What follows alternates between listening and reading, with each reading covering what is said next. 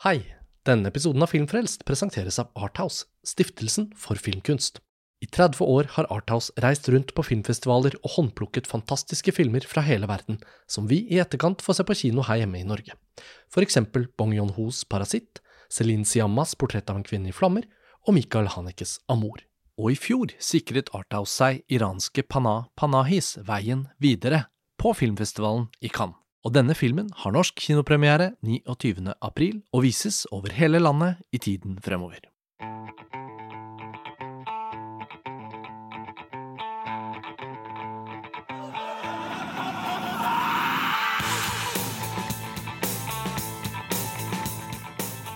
Hei og velkommen til en ny episode av Filmfrelst, podkasten fra filmtidsskriftet montasj.no. Mitt navn er Karsten Meinick, og vi er på plass på filmfestivalen i Cannes for årets første festivalepisode. Med meg rundt bordet så har jeg med meg Benjamin Jastan. Hei. Hei, Benjamin. Og Roska Koresinski. Hallo. Hei, Roska.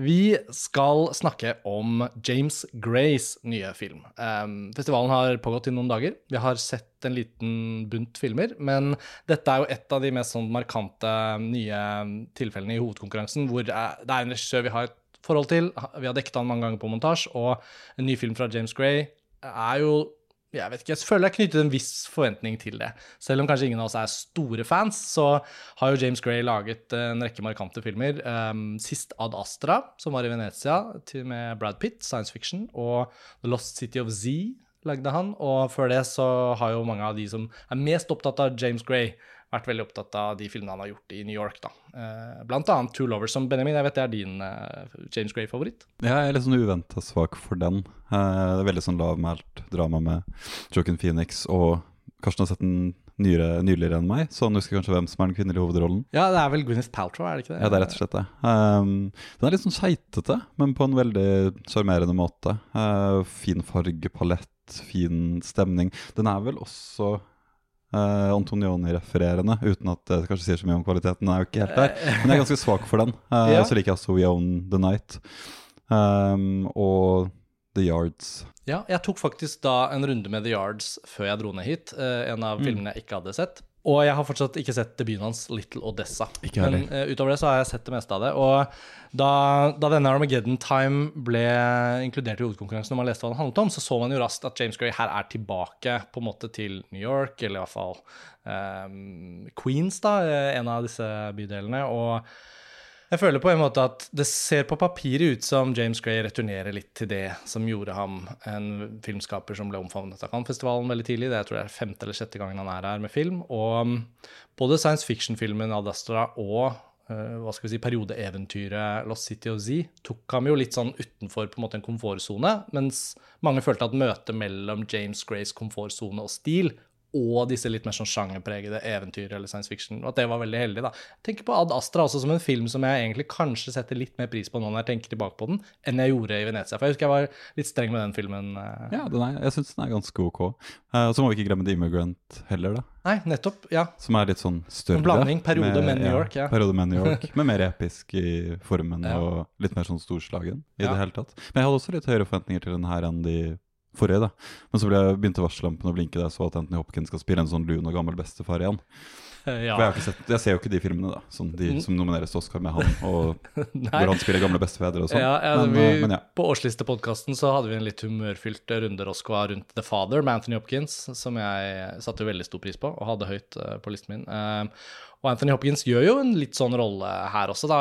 Vi kan jo kort si hva Armageddon Time handler om. Den utspiller seg i 1980. Vi er i Queens. og hovedpersonen, Paul Graff, er da et alter ego for James Gray selv. For han har uttalt at dette er eh, basert på hans egen oppvekst. Og, men kan vi liksom sjangerdefinere Det er jo et litt sånn familiedrama. Det er vel ikke så mye mer å si om hvilken sjanger den skriver seg inn i.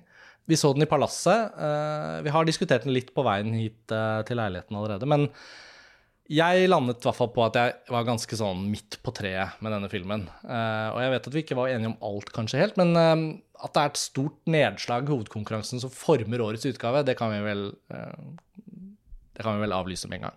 Ja, jeg var ikke veldig begeistra for filmen.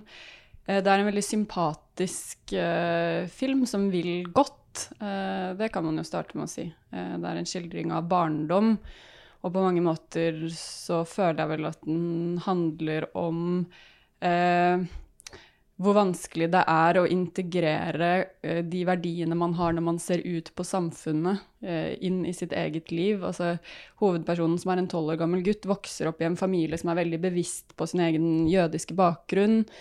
Uh, og som er veldig skeptisk til Reagan, som akkurat har blitt valgt til president. Uh, samtidig som de kanskje i på en måte sine små liv ikke er helt i stand til å se at de også kan være hensynsløse, egoistiske, ekskluderende på privaten, og overfører det også på sønnen i familien, de mm. verdiene. Ja, er, jeg syns det er veldig godt oppsummert i forhold til det filmen i hvert fall strekker seg mot da, og ønsker å handle om. Og på papiret så syns jeg også det utgangspunktet med, med, å si at ok, en, en velmenende, kanskje utad sett moralsk godt stilt familie med jødisk bakhistorie og henvisninger til holocaust og alt, og at de har kommet til Amerika for å få et bedre liv, likevel hegner veldig om sin egen plass i det samfunnet. da, og men likevel også forteller denne tolv år gamle gutten om hvordan han skal oppføre seg i veldig mange ulike situasjoner. Mm. Og han Paul i sentrum av fortellingen, han strever jo veldig med å finne ut hvordan han skal passe inn. Mm. Og det er jo selvfølgelig oppvekstfortellingens evige liksom, fokus, føler jeg. At uh, coming of age-film etter coming of age-film så er det denne litt mistilpaste barnet eller ungdommen som er på et sted i livet hvor noe nytt inntreffer. Og, liksom, og det er jo et nytt skoleår, det er, ny, altså det er mange sånne ting som i starten av filmen. En ny venn. Og så ja, så blir vi jo tatt med inn på liksom, punkter i den bevisstgjøringen han selv får rundt sin egen identitet. Og om han har tilhørighet i, i, i skole overfor venner eller innad i familien. Broren er en sånn typisk sånn hjemme alene-aktig dust storebror som vi knapt får noe inntrykk av, bortsett fra at han oppfører seg dust. så jeg vet ikke, rammene er jo da at dette her skal fylles med, med mangefasettert mening, da, men det blir jo litt karikert. I hvert fall føler jeg at det er kanskje min strengeste bit av opplevelsen. At jeg syns den, den klarer ikke å gjøre det subtilt, sånn som jeg tror Gray tenker at han gjør. Mm. For han er en smart filmskaper. Du føler liksom at han vet veldig godt hva han gjør. Ja, og så opplever jeg at filmen er veldig en uh, illustrasjon uh, på en fortelling. Det er nesten så jeg kan kjenne liksom uh, setningene i notatboka til regissøren. Dette handler om det. Denne scenen. Her skal vi illustrere hvordan disse overleverne fra jødeutryddelsen likevel ikke klarer omsorg for dette svarte amerikanske barnet. Mm, som er han bestevenn. Som er bestevennen til mm. sønnen i familien. Altså sånn, det er veldig sånn skrevet ned på blokka uh, hva hver scene og hva filmen i sin helhet skal fortelle oss, hva vi skal føle når vi ser den. Den skal oppdra oss til å tenke på en viss måte. Uh, og det kan jeg være med på hvis det lever, det vi ser, men jeg opplever det som eh, både teatralsk i spillet, men også liksom stivt skrevet, eh, ikke så godt instruert eh, barneskuespilleren. Altså, det, er ikke, eh, det er ikke ræva, men det bare eh, Det er lagd, da. Det, mm. Du føler vel at du sitter og ser på noen som spiller, som lager en film. Eh, den kjennes liksom ikke organisk ut, på en eller annen måte. Ja, nei, jeg syns det føles litt som en sånn pasteurisert versjon av en New Yorker-artikkel som i 2016-17 skjønte at Trump ble født med Reagan, og dette strekker seg langt bakover. Sånn Rent tematisk så kan man jo si at filmen er en uh, allegori eller en fortelling i miniatyrformat om strukturell rasisme som generasjonsmessig overførbar sykdom. Uh, og så ja, sporer man trumpismens komme i dag, da, tilbake til Reagan. Det er også litt historieløst på en måte, som om dette var noe som oppsto med han som eh, maske og persona i 1980, men han blir altså da gjenvalgt da, når eh, filmen utspiller seg. Og denne jødiske familien er jo svorne demokrater, selvfølgelig, men er da som sagt også likevel i stand til å besitte noen av de samme foraktelige kvalitetene som de andre har i mm. USA. Mm. Altså kroner det seg liksom litt når faren til Trump gjør en gjesteopptreden på den nye privatskolen eh, sønnen i familien blir sendt til. Eh, og trådene liksom nøstes opp, og ting faller litt på plass. Så det er en litt sånn Jeg vet Roska sier at den ikke er ræva, men det, jeg merker at det er en film som blir ræva når jeg snakker om den, fordi analysen er så forferdelig platt. Men det er akkurat som Roska sier også, at hadde den levd, hadde den pustet, hadde det vært noe mer dynamikk der. Mm. Man kan jo se på det som sånn det er liksom yoghurt versjonen av Douglas Sirk filmene på 40- og 50-tallet, 'Imitation of Life' og sånn, Mm, mm. som også behandler strukturell rasisme Ja, ja. eh, med familiedynamikker som nav.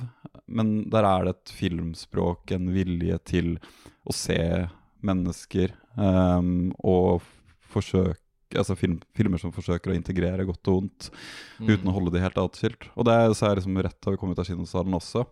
Det er kanskje mitt hovedproblem med filmen. eh, At den på den ene siden skisserer opp en slags sånn trivelige, joviale familiesettinger hvor ting er litt tøft, men vi er tross alt her for hverandre. Og så har man på den andre siden faren som banker opp sønnen med belte. Eh, og det er et for så vidt interessant premiss da, å tenke at denne familien som er demokrater, og som er gode og som er overlevere, også kan ha stygge kvaliteter, men det er akkurat som de er helt spalta av. Eh, og det hadde jo vært på en måte ok hvis det var en sånn ja, um, gjennomtenkt kommentar om følelsesmessig og psykologisk avspaltning i det amerikanske mikrokosmos, men det er jo ikke det heller. Så det henger ikke helt på greip, da, selv om filmen gjør alt den kan for å henge på greip som samfunnsanalyse. Så jo, nå lander jeg mer og mer på at den er ganske jævlig dårlig, altså. Sånn, jo, mer, jo, men jo mer jeg snakker om Ja, jeg den. var, Ja.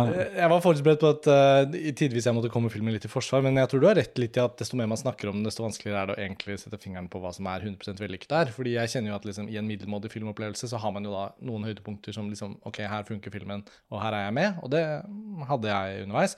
Samspillet mellom de to guttene i klassen, um, det er ganske tålelig bra. Ja, Mm. det er et punkt som jeg kan si meg enig i. Og så syns jeg for min del så var da um, noen av de næreste scenene mellom hovedpersonen og bestefaren, spilt av Anthony Hopkins, syns jeg var eh, fine. Og der og da syns jeg de to scenene, som, særlig de to, den en litt i starten og en mot midten, som jeg syns var eh, bra. Og ble ganske grepet av det og sånn. Men det som er så fint når man finner ut av ting gjennom å snakke om filmen, sånn som vi gjør nå. Og vi har bare akkurat sett filmen og, og kommet hit og tatt opp podkasten. Men det er som du sier, da, at hvis ikke den klarer å løse den litt ambisiøse si, ligningen den setter opp, altså sånn OK, her er regnestykket, sånn skal det bli. Hvordan blir det som kunstopplevelse? Hva er det vi sitter igjen med etterpå? Så føler jeg at det er noe den aldri prøver å besvare ordentlig. Da blir man jo sittende med en film som egentlig bare må oppleves i den overfladiske dramaet. Altså sånn en familie, liksom karakterer, scener, en litt, et lite plott, noen spennende sekvenser som ikke er spennende og sånn. Og da blir det jo en litt sånn fattig film som gir seg ut for å være veldig rik. Og så selvfølgelig fins det jo sikkert ting der som andre ser mer i eh, kanskje enn oss. Sånn vil det jo alltid være. Jeg ser de første reaksjonene fra de amerikanske kritikerne her nede er veldig positive. Eh, NRK Filmpolitiet har gitt en terningkast fem, så, og vi er jo på ingen måte der. Jeg tror alle vi eh, ser litt gjennom det laget som filmen sånn Han stiller opp et lerret liksom, på gaten og sier 'se her, kom inn'. Og så er det jo bare eh, ganske lite bak det. Og det er synd, fordi jeg tror også at det han har gjort, kanskje som har skjedd der, da, er at James Gray har blitt fanget litt i å lage sin e- egen biografiske fortelling. Og jeg syns det fins noen andre eksempler på det, hvor større regissører som endelig skal gjøre sin egen fortelling, de blir så opptatt av å få den riktig, sånn som de husker den, at de glemmer på en eller annen måte at det er mye mindre interessant for oss. Det som ville vært mer interessant for oss, var at du sørget for at den behandlingen av de tematiske spørsmålene, eller moralske dilemmaene, eller hva man skal kalle det, det at de blir gjort ordentlig. Og det er det han liksom ja, ikke gjør. Og ikke minst uh, glemmer at uh, det å skue tilbake på sin egen barndom eller oppvekst også er preget av erindringens fallgruver, da, så å si. Um, det er en liksom sånn Det er en film som gir seg ut for å være en én-til-én-gjengivelse av sånn det var i 1980. Ikke sant? Og den ser jo helt klart gjennom samtidens linse, i og med at Trump skal foregripes og det skal plasseres innenfor en ramme som er den amerikanske politiske konteksten i dag. Eh, men det også er sånn lineært og litt sånn platt, da. Mm. Ja, det vekker ingen nye eh, tanker eller følelsesmessige eh, erkjennelser eller, eller undring. Altså sånn, Den har ingen av de tre tingene som jeg tenker at er liksom viktig i møte med ethvert kunstverk. Altså sånn, det trenger ikke å være eh, en banebrytende innsikt eller liksom helt fremmed, men det må treffe et eller annet som i hvert fall har med en undring å gjøre. Det kan jo være billedlig. Sånn Oi, her er det et bilde hvor det skjer noe eh, som jeg kjenner at er uforventet på en eller annen måte. Men, men filmen eh, beveger seg bare i veldig sånn pløyd, oppløyd mark, da. Mm, også i form av valg av locations og steder. Ikke sant? Ikke sant? Apropos, jeg er så enig med det du sier om bildene. Det er jo Darius Konji, som er en virkelig stor fotograf her, som har jobbet mye med Grey. Men likevel så er det så mange steder som ikke engang, ikke engang valg av locations tilfører bildene noe i så stor grad at man på en økonomisk måte får et bilde som strekker seg bortenfor bare det som skal skje i det bildet. Men det var aldri sånn. det var veldig, De drar på en sånn skoletur til Guggenheim der på et tidspunkt. og da er en av de få stedene i filmen hvor det kommer en slags form for drømmesekvens. da. Det er to-tre eksempler på det. Fordi tolv år gamle Paul han har bestemt seg for å bli kunstner. Eh, og det er jo da Grey ikke sant, som barn. Um, han er opptatt av å tegne og male, og det er litt sånn på det nivået. Men en spesielt flau sekvens, synes jeg, var når da inne på Guggenheim så får han en slags sånn epiphany da, når han ser et Kandinsky-bilde. Og da er det iscenesatt på en veldig sånn skoleteateraktig måte en drømmesekvens hvor, hvor Paul blir liksom satt opp på en scene og mottar en form for sånn kåring eller en pris eller et eller annet sånt. Og da er det Misanscenen er liksom bare at de har satt et hardt lys, en sånn spotlight, på ham. Hun fra museet sier noen ord. Og da Guggenheim er på en måte mørkelagt i bakgrunnen. Vi kan se at det er tatt opp der, for det er jo de gjenkjennelige liksom, linjene i, i arkitekturen her. Og så er det liksom det det. Og så føltes det sånn, sånn jevnt gjennom så syns jeg altså filmen føltes litt sånn billig, da. Fordi de ikke hadde den ekstra flotte locations. Fordi de ikke hadde da noe forhøyet virkelighet. Jeg sier ikke at den skal bli liksom Royal Tenenbaums liksom i, i, i Men stilen til West Anderson er jo da noe jeg tenker på et par ganger i filmen fordi det er en familie, det er en sånn livlig jødisk familie på en måte med mange figurer. Men den er også på en måte dempet ned. Men samtidig, når Anne Hathaway, som spiller moren til Paul, tar på seg et par briller, så føler jeg den er veldig kostymert. Mm. Så det er sånn rar at den ikke liksom, den finner liksom ikke ut av seg selv, heller i det rent sånn billedlige, overfladiske, på en måte. da. Så, og det ville jo hjulpet filmen veldig.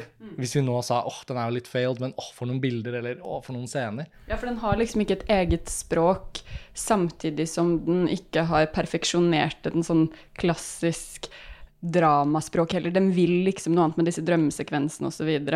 Eh, den vil bevege seg inn i et annet type landskap, men så har ikke det språket blitt tilstrekkelig bearbeida eller utforska heller, så det virker også liksom fort og gæli og påklistra. Ja. ja, det er jo jeg bare nå, Det kommer mer og mer til meg holdt jeg på å si, mens vi sitter og snakker om den. Uh, altså Hvor kalkulert og instrumentell alle de allusjonene som skal gå opp i et sånn perfekt lappeteppe, egentlig er. da. Uh, de to guttene drømmer om uh, henholdsvis å bli pilot og drive med romfart noe han aldri kan fordi eh, han er afroamerikaner. Eh, og han andre tegner romfart. Han kommer inn i hagen hans for å sove i et uthus, så der har vi litt sånn plom, plantasjetematikk Altså sånn det, Nei. Nei. altså dette er, dette er, ikke en bra film. Og det, det verste er at den, kom, den går jo åpenbart rett hjem hos amerikanske liberale kritikere. ikke sant? De mener alt er rett. og men den sier likevel at det er litt vanskelig, og den har til og med bonuspoenget som er at det bor en liten Trump i alles mage, og da er den liksom enda litt mer kløktig enn bare de som fordømmer. Vi er ett steg forbi talen til Hillary og Deplorables osv. Men det er, den er jo ikke det. Nei.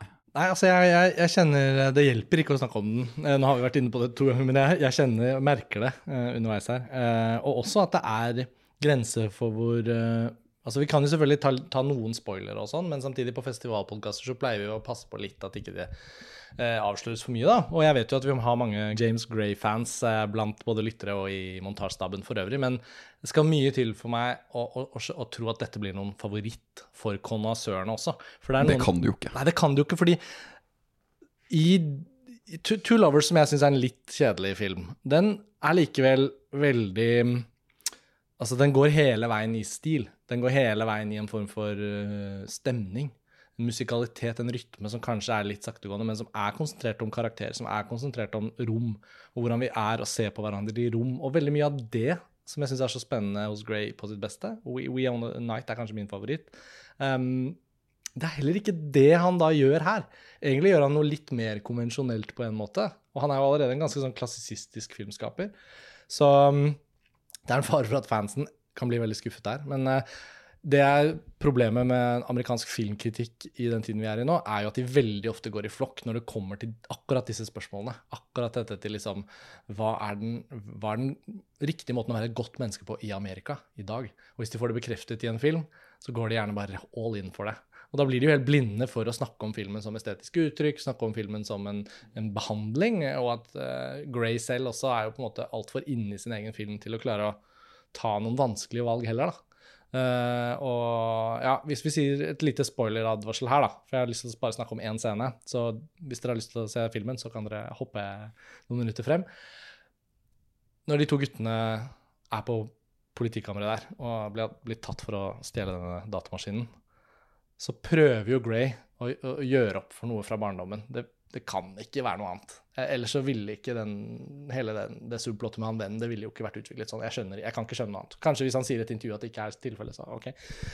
Jeg opplever at det er det, og da føler jeg at Gray liksom på en måte skal bruke hele filmen til å vise at han hadde tenkt til å gjøre det riktige, og at han egentlig gjorde det riktige, og at denne vennen som han kanskje aldri har sett igjen, og som sitter i et eller annet fengsel et eller annet sted i et bakhjørne av Amerika liksom. det, var så, det, var så, on the nose, og det var også noe sånn kleint over hele scenen. Og at denne faren til Paul, som er så jævlig kjip far, og voldelig, ikke får noen form for det han får, er jo en oppreisning. Ja, han får en oppreisning som han ikke har fortjent. da. Ja, Han sitter i bilen og har en sånn med... dempa tordentale ja. om hvor vanskelig livet er, men at det likevel gjelder å holde ut. Ja, jeg syns det er problematisk at filmen på en eller annen måte så tydelig eh, viser sympati med den afroamerikanske unge gutten, men egentlig i bunn og grunn har så lite sympati med barnet, da. Eh, hvis Nettopp. man ser vi, i videre forstand, altså barna ja, i filmen som barn uavhengig av etnisitet, mm, eh, klassetilhørighet. Nettopp. Uh, og at rett og slett James Gray, hvis dette er han selv, uh, mangler litt sånn omsorg for seg selv som barn, og derfor blir filmen også litt sånn vanskelig fordi mm. den eh, på en eller annen måte Jeg vil vise karakteren omsorg, men har ikke egentlig psykologisk gått nok i dybden Nei, det i det farsportrettet, og ja. dermed heller ikke i portrettet av sønnen som er utsatt for volden. Mm, og heller ikke bestefarsportrettet. Jeg tenker også litt sånn dette er en type innvending jeg vanligvis ikke pleier å komme med, men ok, hvis denne filmen er så brennende opptatt av strukturell rasisme, da, uten å være strukturell eller systemkritisk i det hele tatt, for den er den jo ikke, det er en dypt selvforelska individualistisk film, um, så er det litt interessant at denne bestefaren, da, spilt av Anthony Hopkins, som er liksom så lun og så klok og har så mye opparbeida livsvisdom, at han er på en måte den som sitter igjen som den store helten etter filmen. Det hjelper jo helt sikkert den afroamerikanske gutten bak lås og slå, tenker jeg, da. Mm. Mm. Den relasjonen syns jeg også er altså, Nå er det sånn drypp av noe litt hjertevarmt. Jeg vet ikke hvor hjertevarmende det er, Nei. men uh, ja. Og kanskje har filmen feil hovedperson. Altså Hvis Grace vil utrette Jeg sier ikke at dette blir en bedre film, men hvis Gray vil utrette alt dette, så er det nesten som om man skulle ønske seg at han uh, Johnny, da, han, den sorte gutten fra skolen, han kunne jo vært denne historiens hovedperson, og at vi fikk hans blikk inn da, på denne familien, på denne gutten i klassen. Ikke... Altså Det fins en bedre film skjult et sted. Ja, det føler jeg. Og det er en film som fokuserer på Johnnys fem netter i det lille ja. lysthuset som faren til hovedpersonen Jo, det er et lysthus. Som faren til hovedpersonen i hagen har bygd til sønnen sin. Uh, og det er en slags panic room uh, som ja. dypt sanselig og faktisk interessert i mennesker ser at han bare sover der i fem netter. Det er ikke kødd. Uh, og så hører man noen sånn festlige lyder og noen som roper 'mensch' inne fra stua og så slutter den der. Det ville vært en mer politisk interessant film enn noe som helst som har kommet ut av den dreieblokka her. Det er morsomt. Rett før vi dro til Cannes, så skrev jeg en tekst om eh, Norman Jewisons 'In the Heat of the Night', som eh, Sidney Poitier spiller hovedrollen i. Um, en film som da handler om ikke sant? Uh, som er bra. Uh, ja, en bra film. Men det var, i det arbeidet med den teksten så tenkte jeg mye på også hvordan um, Uh, altså det, kort da, det året, 1968, så vant en Oscar for beste film. Uh, 'Guess Who's Coming to Dinner', også med Sidney Poitier, i en lignende rolle, var uh, også nominert. Og så hadde 'Graduate' og 'Bonnie and Clyde' og 'Dr. Doolittle'. Og så tenkte jeg litt på 'Get Out' til Jordan Peel. Og alle disse filmene har jo egentlig litt sånn det til felles at det er sånn én på en måte sort rollefigur som i kontekst av den etablerte hvite gruppen med rollefigurer skal liksom være representanten for et problem som da skal diskuteres. Og så skjer det på ulik måte i de ulike filmene. Men nå plutselig, i det du sa det, så tenkte jeg på at dette er jo også tilfellet med uh, Armageddon Time. At på mange måter så er jo han det, Med unntak av ett kort lite flash hvor vi ser han hjemme med bestemoren, så får vi jo ikke se ham i hans liv, i hans verden. Han blir en veldig sånn figur brakt inn i den hvite familietilstanden for men, å diskutere. Men er ikke det også et veldig sånn tegn i tiden, på en måte? Altså sånn Man skal ikke annektere noen andres fortelling. James, jeg vet ikke om det har vært en Nettopp, ja. Ikke sant, ja. Men jeg vil tenke at ja. James Gray Hvem er du til å fortelle denne Hvem er du? Ikke sant? Han må nødvendigvis fortelle det fra sitt perspektiv. Mm. Men det finnes jo ikke noe Jeg mener ikke at han må det, men jeg, jeg tror det er en konvensjon mm. som i hvert fall mm. er ganske De retter seg veldig etter det nå, ja. De retter seg bare etter konvensjonen, ikke sant? for det er ikke noen refleksjon over hva det vil si å tale fra et bestemt ståsted, eller selvrefleksiv eh, tenkning rundt uh, de begrensningene i det utsiktspunktet. Det finnes jo ikke, ikke sant? Nei, nei, og det er det, derfor jeg også tenker at det ikke mm. nødvendigvis hadde blitt noe bedre nei. film av at han skulle leve seg inn i denne Johnny-karakteren, mm. fordi mangelen på innen levelse på et litt sånn dypere nivå syns jeg er på en måte påtagelig i filmen, selv om mm. det er en personlig skildring. Så, så, om det hadde blitt bedre eller verre av at man mm. tok et skritt vekk fra seg selv og mm. skulle portrettere en annen person, det, det vet jeg ikke, for akkurat som materien ikke er godt nok mm. bearbeida, følt på, reflektert over i utgangspunktet. Ja, ja, og Johnny er jo ikke noen nyansert, interessant karakter. Uh, som ikke får komme helt til rett, sin rett heller. Altså, han uh, har jo noen sånn enkle karakteristika hefta ved seg som James Gray helt sikkert kommer fra et velmenende sted. Men han er selvfølgelig den som introduserer eh, vår hovedperson for The Sugar Real Gang og hiphopens fødsel osv. Det er jo ganske plausibelt at han har kommet til hiphopen før denne jødiske hvite gutten, men det er liksom sånn, det er ett av få personlighetstrekk han har. da.